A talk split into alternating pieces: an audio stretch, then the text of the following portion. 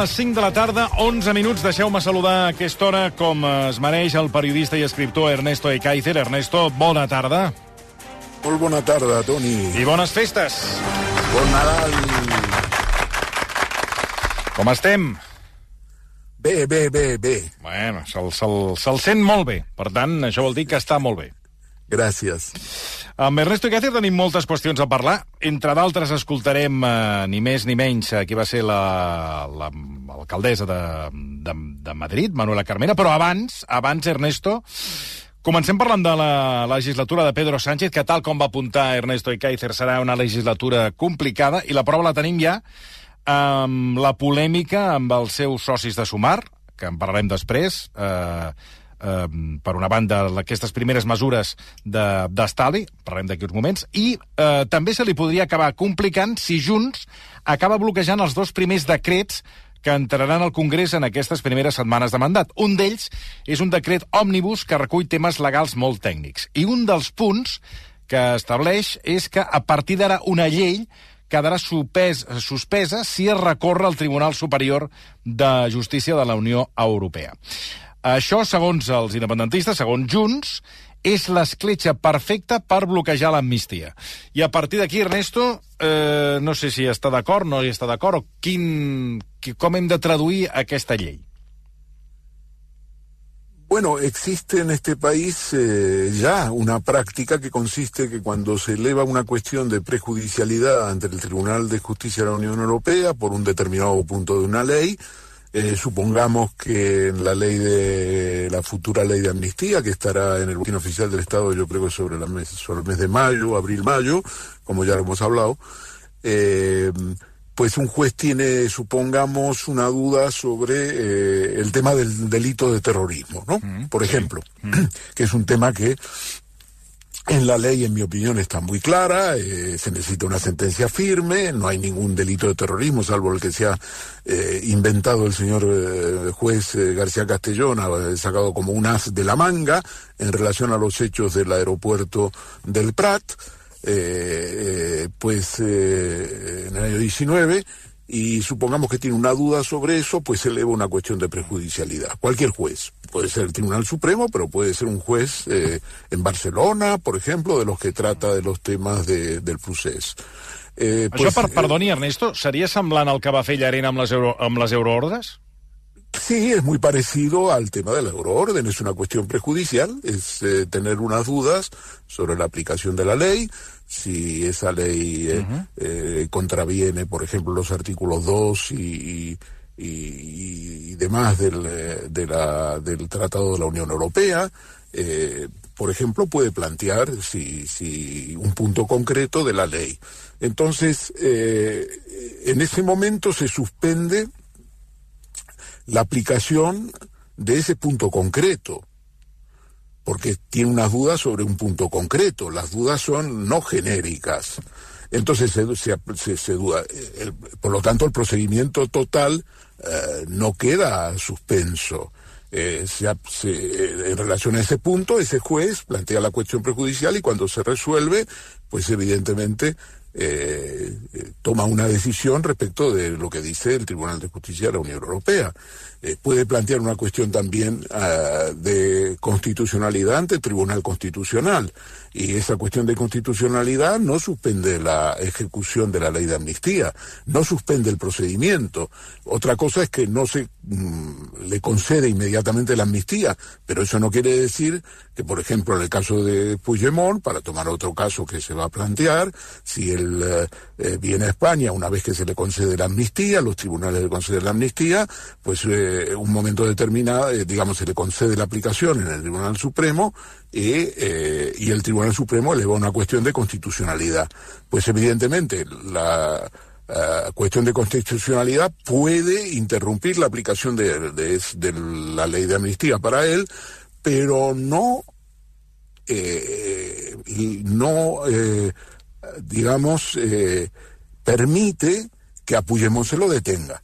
Yeah. Una cosa es que no tenga la amnistía, no se le aplique por una cuestión de duda ante el Tribunal Constitucional, y otra, que el procedimiento contra él continúe.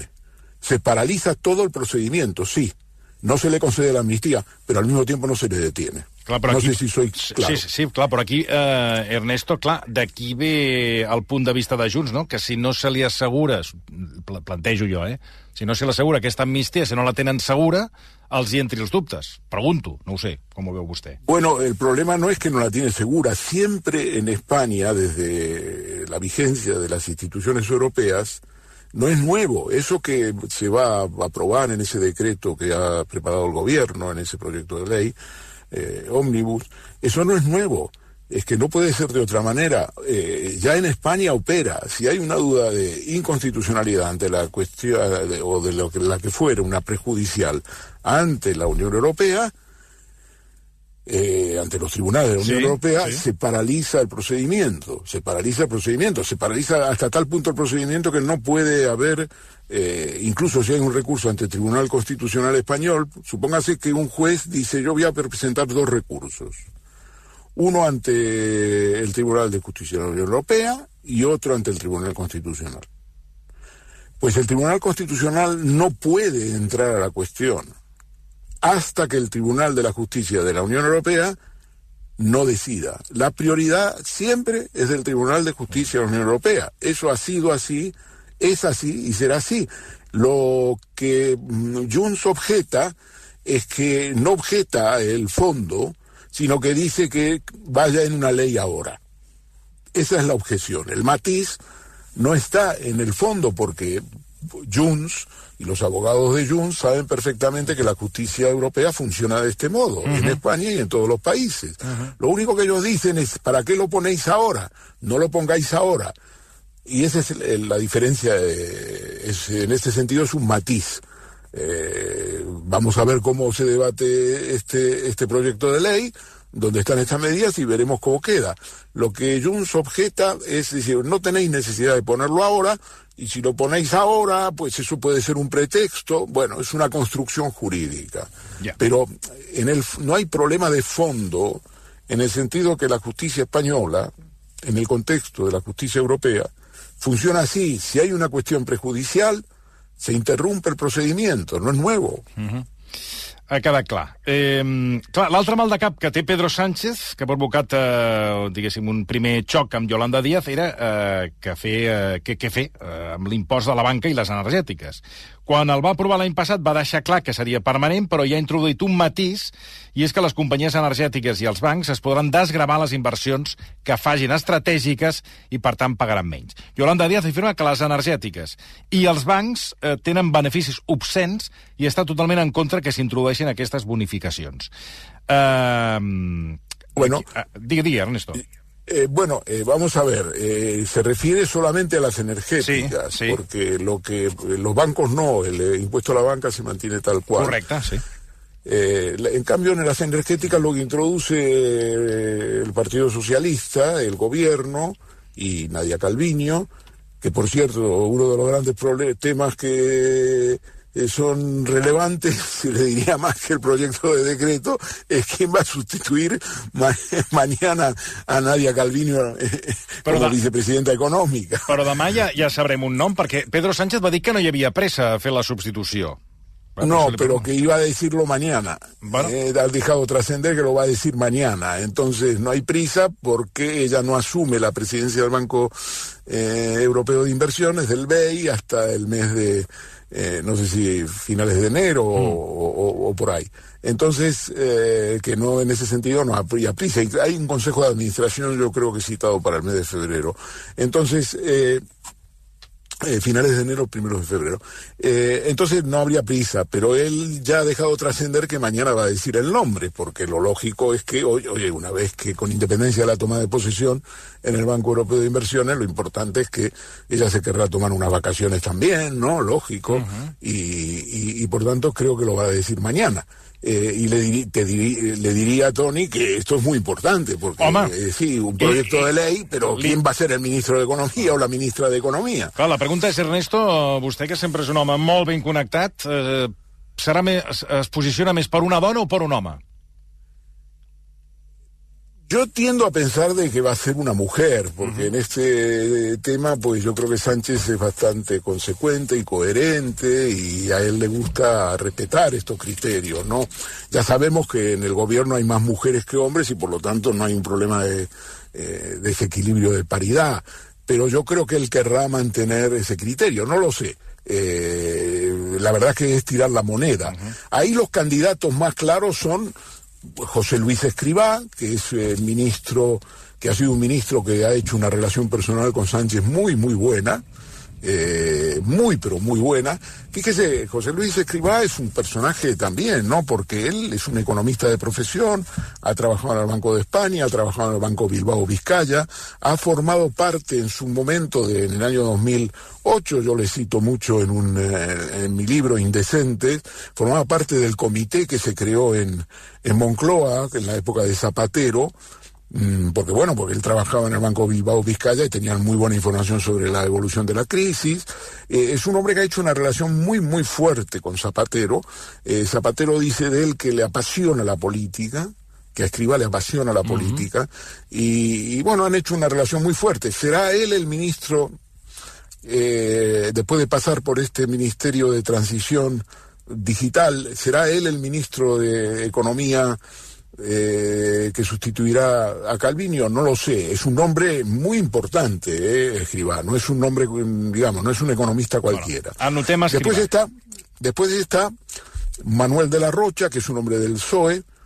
Eh, es en este momento es el asesor económico de la Moncloa y ha sonado mucho también.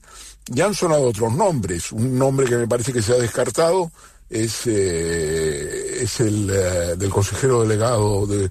de Ara, Ernesto, no, no m'ha dit cap dona, eh?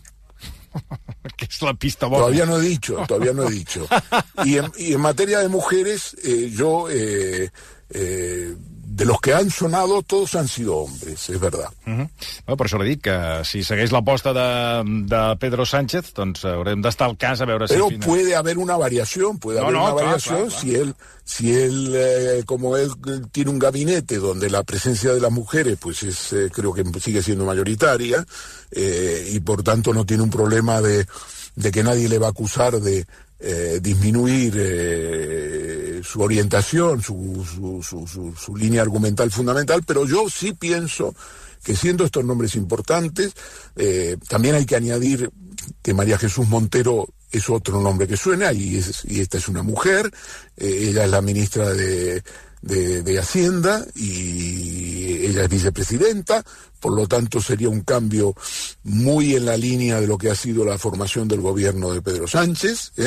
Sí, sí. Eh, es decir, una, una continuidad, una continuidad total y, y, lo único es el único elemento que yo ahí tengo mi duda es que como María Jesús Montero no es economista de profesión, me da la impresión de que Pedro Sánchez preferiría un economista de claro. profesión eh, que este elemento no me, digamos, se me descuadra un poco. ¿eh? Uh -huh. Pero bueno, María Jesús Montero perfectamente podría ser la ministra de Economía, eh, pues una decisión que, que està dentro de la, la continuïtat. Bueno, demà, demà ho sabrem. Escolti, no, sí. estàvem parlant de les diferències ja amb els socis, sí. bueno, amb els socis, amb els companys de govern, eh, parlàvem de les diferències, d'aquest apunt que ha fet eh, Junts, però també parlàvem de que ahir, eh, per exemple, Yolanda Díaz discrepés amb, aquest, amb aquesta reajuda, aquestes inversions estratègiques que desgravin a les energètiques. Això marca que aquesta legislatura, Ernesto, serà eh, permanentment així, és a dir, amb un partit socialista amb unes idees i que permanentment veurem aquest tipus de discussions o punts de vista diferents en el mateix govern? Eso es muy probable, eh, pero no, yo no diría tan genéricamente, sino que nos aproximamos, Tony, a una nueva etapa en la Unión Europea, donde hay unas normas eh, de austeridad, no son normas como las anteriores de austeridad, pero son normas de eh, restricción en eh, en la política fiscal, una, una situación donde damos por eh, superada ya los efectos de la pandemia y por lo tanto tenemos una, una serie de normas que se han aprobado en la Unión Europea, más yo diría hacia la derecha. Es decir, cuidado con la evolución del déficit fiscal, cuidado con eh, los desequilibrios, cuidado, se, hay que seguir teniendo cuidado con la inflación y desde luego con los salarios y por tanto estamos en un cuadro más yo le diría a la derecha, donde recuperamos una parte del pacto de estabilidad, no todo, del pacto de estabilidad eh, que regía con, con rigidez y que, eh, bueno, pues que produjo, en mi opinión, resultados eh, muy malos en, la, en, la, en su aplicación y que quedaron de, fueron dejados de lado porque la pandemia no se podía combatir con ese esquema, se abrió un nuevo eh, un, el camino hacia una nueva política económica diferente y ahora volvemos, por, la, por lo que ya se ha aprobado hace pocos días, a un cuadro más eh, de mayor ortodoxia de mayor ortodoxia, no digo de ortodoxia de ajuste, pero sí con más cuidado. Y en ese contexto va a haber diferencias entre Sumar y Podemos, eh, Sumar y, el gobierno de Pedro Sánchez, ¿no? Y el PSOE. Es decir, eh, va a haber diferencias en la aplicación de, de las reglas fiscales, eh, y, eso es de prever. Eh, ahora, también vamos a un cuadro de desinflación, porque la inflación está bajando. Y ahora quería yo ir a este punto, porque me parece esencial. Hay algo que dice Yolanda Díaz en las entrevistas que ha dado esta mañana, que eh, tiene mucha razón y que refleja la realidad. Y es que la cesta de la compra es una cosa imposible hoy en España. Sí, señor. La evolución de los precios, a pesar de que hay un fenómeno de baja de los precios de la gasolina y de la electricidad, eh, pues la evolución de la cesta de la compra es, eh, vamos, no hay salario que alcance. Total error, Ernesto. Entonces, claro, este es un tema que es central porque eh, tú ves que no tiene freno, es decir, tomes los productos que tomes y ahora ya no se trata de que resulta que, bueno, claro, la cosecha de las aceitunas pues ha salido muy mal y entonces se, justifica el aumento del aceite eh, de, eh, de oliva. Entonces, no es así, es que las subidas son espectaculares en todos los, en todos los alimentos. Entonces, estamos en un proceso aquí eh, donde el gobierno debería apostar fuerte. Y yo no veo que en el paquete de medidas, que es un paquete de medidas de continuidad, eh, más allá de las eh, subvenciones, más allá de las ayudas, haya un, una ambición de decir, oye, vamos a tomar el toro por los cuernos de los alimentos y vamos a actuar aquí porque esto es un cachondeo.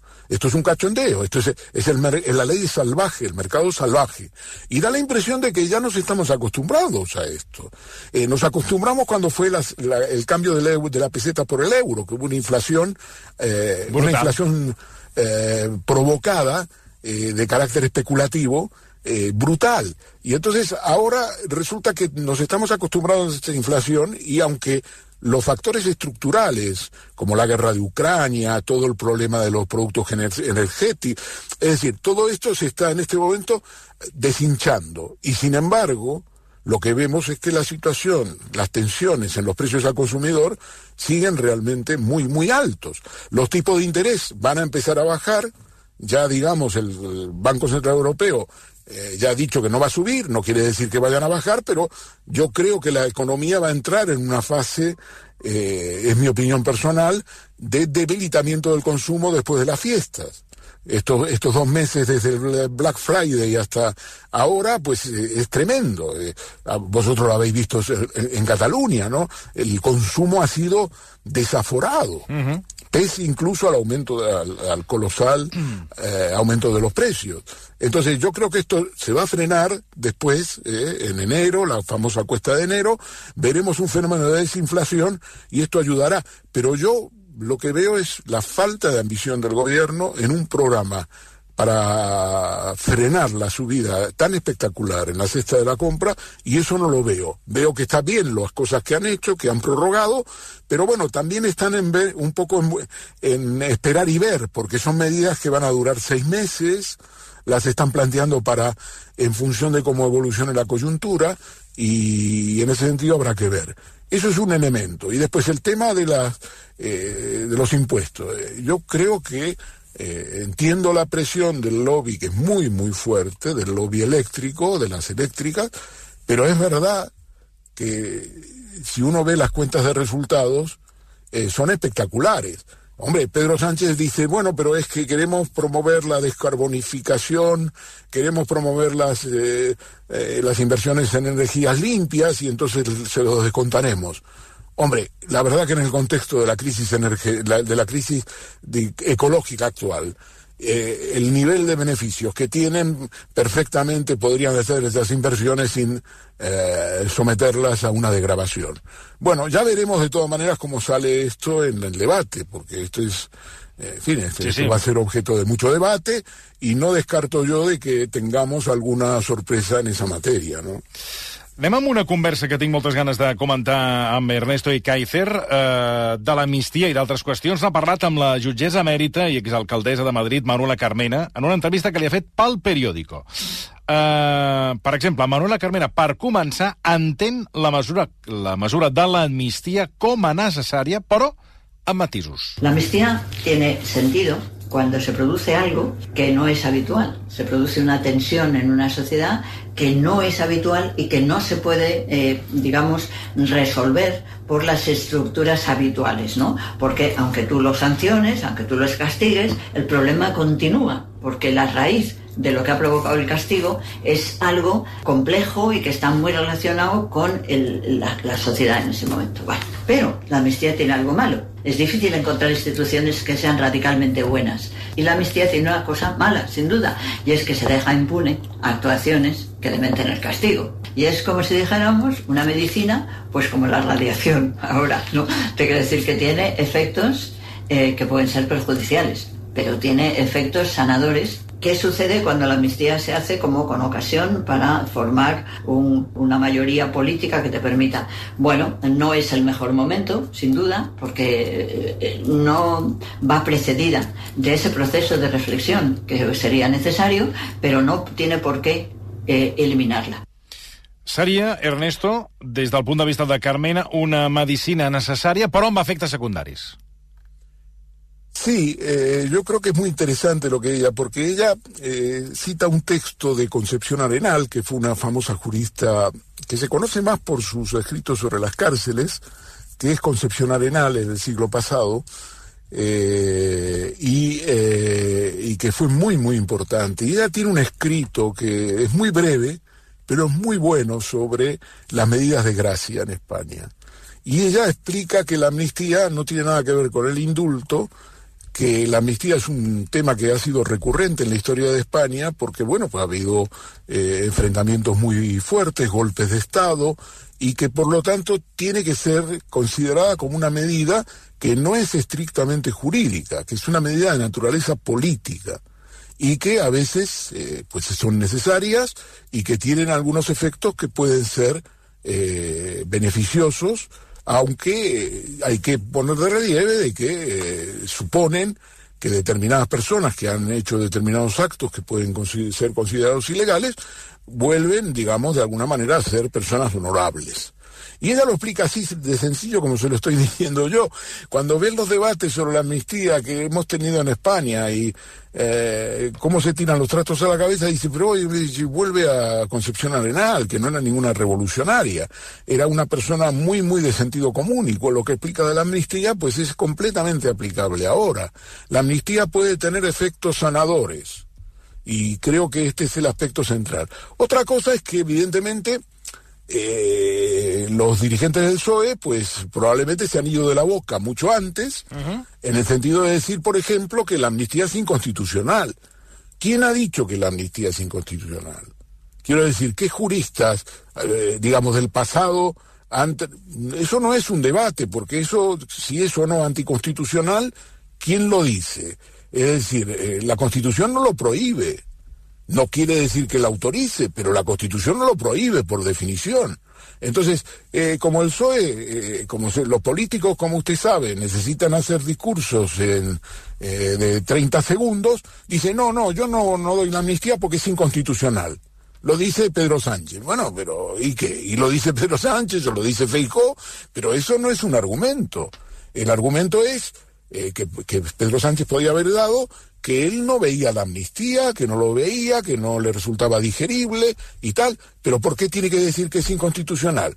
Digo, eso es, el ejemplo es que eso ha llamado tanto la atención, el viraje porque decir que es inconstitucional todo el tiempo, y varios ministros lo han dicho, y luego decir que es constitucional, hombre, eh, evidentemente revela que no hay una madurez, ¿no? Pero si tú en cambio lo que dices es que eh, es una medida que puede tener efectos secundarios, que puede tener efectos que no son benéficos, pero al mismo tiempo tiene, dado que lo que ha ocurrido en Cataluña es un hecho que no es habitual, eh, que es un hecho de carácter, eh, digamos, estructural, que los castigos además que se han aplicado y además que se han, en, el 90%, en el 99% se han cumplido, sentencias de prisión y, y, de pérdida de derechos políticos, pues ha tiene un efecto sanador, pues eso la gente lo entiende. Ahora que le digan, no, es inconstitucional, yo no lo voy a dar, y luego digan, no, no, sí es constitucional, claro, eh, eso te deja con el culo al aire. Eh, parlant d'amnistia, ves per on, i ho, vaig a, ho, ho agafo perquè vaig veure aquest eh, documental aquests dies de, de descans, eh, el documental Matar al Presidente, que parla de l'assassinat de Carrero Blanco, Clar, al final del, del documental eh, et quedes descol·locat perquè dos anys després d'anar de, de, darrere els terroristes que van cometre, recordem que era el president del govern espanyol, Carrero Blanco, després d'anar darrere d'aquests terroristes, que hi ha tota una trama, que en tot cas ara no ve el cas, aquests terroristes van ingressar dos anys a la presó, terroristes que van assassinar, recordem, fent volar pels aires el president del govern espanyol, Carrero Blanco. Aquests terroristes van ser amnistiats dos anys més tard. Sí, i, los, no, no, ho dic perquè, clar, o sigui, estem parlant d'aquesta amnistia, de tota aquesta polèmica, però és que, compte, que el govern espanyol en el seu moment, dos anys més tard que ingressessin a presó, els terroristes que van assassinar el president del govern espanyol van ser amnistiats. Claro, eh, por eso, eso es, es, interesante. Yo le, sabe el escrito de Concepción Arenal, es muy breve. Clar, és que... Es brevísimo, brevísimo. I, I ningú els hi recorda, aquesta gent que no, tot el dia estan no, no, amb, la, amb la pallissa de oiga, incluso un presidente del gobierno español asesinado volando no sé cuántos metros. Así es, así ¿eh? es. Así Fueron es. indultados Pero sus terroristas. de Concepción Arenal. Perdón, tomado, amnistiados. Eh, notas, es realmente es un escrito es un escrito fantástico. Le voy a leer una conclusión. Dice, concluimos pues que las amnistías no corresponden al asunto de que tratamos, porque no se da en virtud del derecho de gracia, sino del derecho de guerra, que no es derecho sin poder del vencedor sobre el vencido.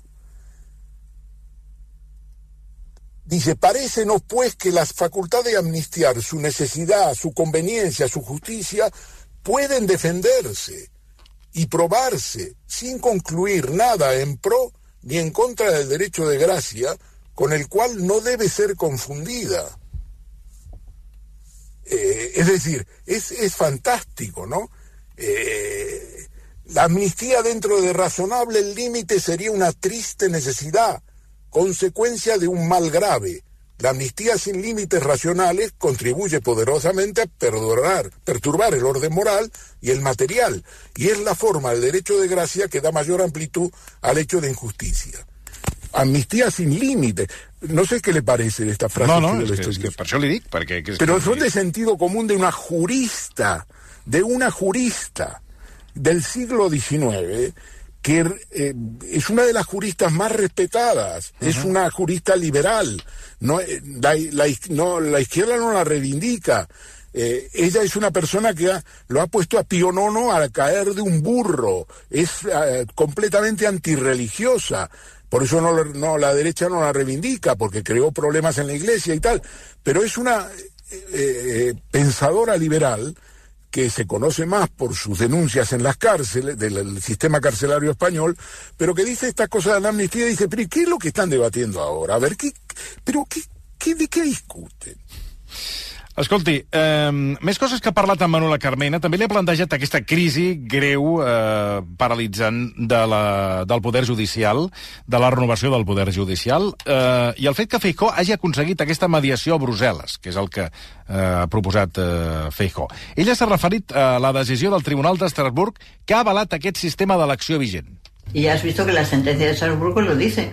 Tiene, tiene que ser la presidenta de las cámaras. Entonces, lo curioso es que la sentencia esa eh, está pendiente de que. porque Claro, lo tiene que considerar el constitucional, sí. Claro, pero el constitucional está mirando para otro lado. Sí, sí. Es que eso, eso para mí es de verdad en percudir la democracia. Esa falta de respeto de las instituciones, pero, pero ábrelas, ábrelas. Yo el otro día discutía y decía, pues es que la única solución con la extrema derecha es profundizar en la democracia, pero bien hecho, ¿no? Eh, Carmena, que va ser vocal, recordem-ho, del Consell General del Poder Judicial en qualitat de magistrada des del 1996 al 2001. Eh, ella hi veu alguna solució al respecte, eh, Ernesto? Bueno, ella lo que plantea, eh, ella dice que, eh, lógicamente, a mí me parece que yo creo que tiene razón, ella sostiene que eh, quien controla no puede mediar. Ergo, si la Comisión de Justicia de la Unión Europea controla uh -huh. Todas las justicias de todos los países miembros, no puede mediar. Entonces ella dice, ¿por qué no creamos una comisión ya que, San, ya que Feijó dice que no puede llegar a un acuerdo porque no se fía de Sánchez y Sánchez acepta llegar a un mediador, ¿por qué no creamos una mediación a través de la sociedad civil? Correcte. Mm -hmm. Doncs, bueno, a dia d'avui sembla que no, no hi ha interès en aquest aspecte. Que, per cert, Carmena eh, defensa que el poder judicial és determinant a l'hora de prendre moltes decisions i no s'explica com ningú li troba utilitat. Nadie ve la ventaja de que sea Poder Judicial. Exactamente. ¿Sabes? Nadie ve, nadie ve para qué sirve. ¿Para qué sirve? Cuando realmente sirve muchísimo, mm. si se quiere. Yo, mi experiencia con Javier Delgado, nosotros hicimos muchísimas cosas y se pueden hacer muchísimas más, ¿no? Es determinante, muchísimas cosas es determinante. No sé, cantidad de decisiones que se pueden tomar. Si es que está en tu mano convocar las oposiciones de una determinada manera, poner unos ejercicios, no sé qué, pones, te quiero decir, eh, buscar otros sistemas de selección, la formación, que es una cosa completamente determinante. Es que está en tu mano muchísimas cosas y es que la justicia ahora mismo está abandonada en la mano de Dios. I aquí una reflexió, Ernesto, que m'agrada molt, que és que l'actual sistema d'elecció dels jutges és fruit d'una modificació que va fer José María Aznar, PP, quan tenia majoria absoluta, i després hi va haver una reforma de la mà de Ruiz Gallardón, PP. Per tant, Ernesto, això vol dir que el, PP, el mateix PP que fa la reforma del sistema d'elecció dels jutges incompleix la Constitució, incompleix la pròpia llei que ells van acabar eh, posant en marxa. Esto, esto, Tony, a mí me parece tan elemental, porque fíjese, si uno lo analiza el debate, dice, ah, resulta que Feijó lo que no quiere es que se aplique la ley del PSOE. No, no. No es que incumple solo la Constitución el, eh, Feijó y el PP, y la, antes que el Casado. Lo que incumplen es su propia ley. Exacto. Ellos son los que pusieron esta ley cuando Aznar tenía mayoría absoluta y la modificaron eh, en 2013, cuando estaba de ministro Ruiz Gallardón, mantuvieron el sistema pero introdujeron correcciones, correcciones que son positivas. Por ejemplo, eh, durante la época de Aznar, solo las asociaciones de jueces presentaban a los candidatos para que luego el Poder Legislativo, el Congreso y el Senado los eh, eligiesen y ponían ternas. Y tú, como senador o como diputado, elegías. Pero en eh, la época de Ruiz Gallardón, él introdujo una modificación que consistía que un juez puede conseguir avales al margen de su asociación de jueces. Y entonces te presentas por tu cuenta. Por ejemplo, la mujer de Pablo Llarena, que es jurista, y fue directora de la Escuela Judicial, eh, de Barcelona, en eh, Sí. se presentó en el año 18 como mm, candidata al Consejo General del Poder Judicial, no por el PP, sino ella consiguió sus propios avales. Y por lo tanto, según la ley vigente, eh, puede presentarse no avalada por ninguna asociación de justicia, de, de jueces. Sí, sí. Eso fue producto de la modificación que introdujo Gallardón eh, en el año 2013. Entonces, eh, lo del, eh, lo del Partido Popular es realmente muy extraño, porque están de- tratando de mostrar de que se trata de una ley del PSOE, cuando realmente es una ley de ellos, de la época del 2000 de Aznar y después eh, de Rajoy. Y nadie en el PSOE eh, levanta la mano y diga, oiga, pero si es su propia ley. Exacte. Sí, sí. No lo dicen. Mm. Bueno, és el que li deia l'amnistia, no? Però bé, en tot cas, eh, hi ha poca... Tinc la sensació que, que hi ha poca... A vegades hi ha poc estudi del passat, i el passat a vegades ajuda molt a tirar endavant. Escolti, en aquesta entrevista també en parla de la relació de Carmen amb Pablo Iglesias i de l'enfrontament que van tenir quan era eh, ella alcaldessa de Madrid i volia optar a un segon mandat. Recorda, eh, anem al, al fragment en qüestió. Podemos, cuando yo tuve el enfrentamiento en el ayuntamiento con, con Pablo Iglesias, pues me costó muchísimo entenderlo, porque yo no comprendía por qué si yo estaba construyendo, después de cuatro años de trabajo, estaba construyendo lo que iba a ser la nueva alternativa con los compañeros de Podemos, que estaban muy bien y que lo hacían bien y tal, no comprendí por qué él quería obligarme a mí a sustituir a las personas que estaban haciendo el equipo conmigo con los que él quería. Entonces yo me acuerdo que les decía a Pablo, pero, pero ¿por qué? Si yo es que, claro, es que llevamos trabajando, estos son muy buenos. No, no, tú no te preocupes, pero yo, para mí es muy importante el partido y tiene que ser el partido quien decida quién van a ir. Digo, pero como, bueno, no sé, cosas así. Y en un momento concreto yo nunca olvidaré que él dijo, eh, bueno, es que a mí el que le pierda a Madrid no me importa. Por encima de todo lo que me importa es el partido.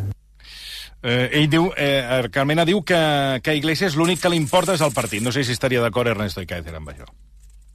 Bueno, ella dice que lo que le dijo Pablo Iglesias, es decir, más que un argumento suyo, ella dice que Pablo Iglesias le dijo que era más importante el partido que tener el Sí, sí. Ayuntamiento de Madrid. Sí. Y ella explica en la entrevista que ella no sabía que Rejón, Íñigo Errejón, iba a irse de Podemos. Creía que estaba construyendo dentro de Podemos una plataforma, eh, más Madrid, para Madrid que ella no lo supo y que probablemente ese es un error, que si ella hubiera sabido que Rejón estaba yéndose de Podemos, estaba marchando y rompiendo con Podemos, que ella no lo hubiera apoyado, que ella no sabía que Rejón efectivamente estaba planteándose una alternativa independiente eh, de Podemos. Entonces ella le parecía muy bien la plataforma en la medida que fuera la plataforma de Podemos para Madrid.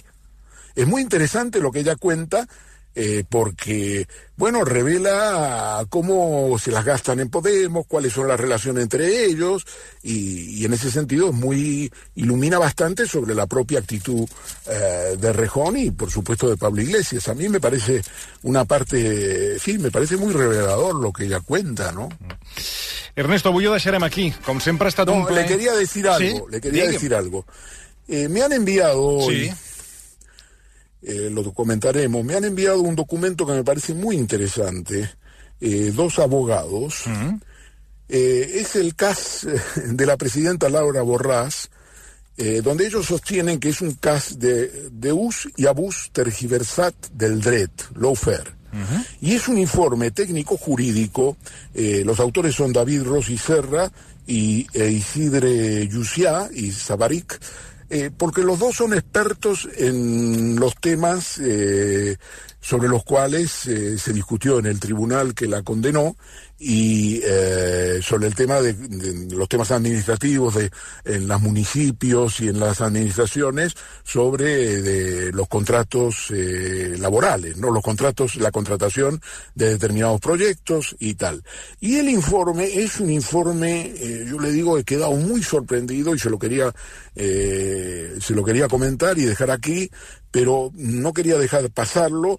Es muy interesante sobre el análisis que ellos hacen minucioso, sobre los peritajes, y, bueno, eh, donde vienen a concluir que no hay ni un delito de prevaricación y tampoco un delito de corrupción, por supuesto, en el, como se entiende en el ordenamiento jurídico, y eh, eh, hacen todo un análisis de la política administrativa, de los contratos, eh, me parece muy interesante. Le digo que eh, también sobre el tema del, eh, del según suposat delicte de falsetat eh, documental, Sí.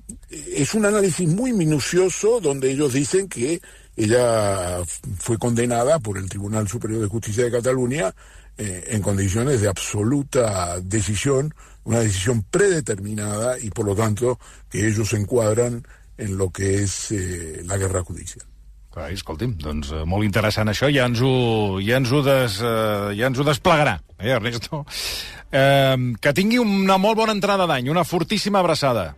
Gracias a Gràcies, todos. Ernesto. Gràcies al periodista i escriptor Ernesto Aikaizer. Fem dos minuts de pausa i tornem. Fins ara.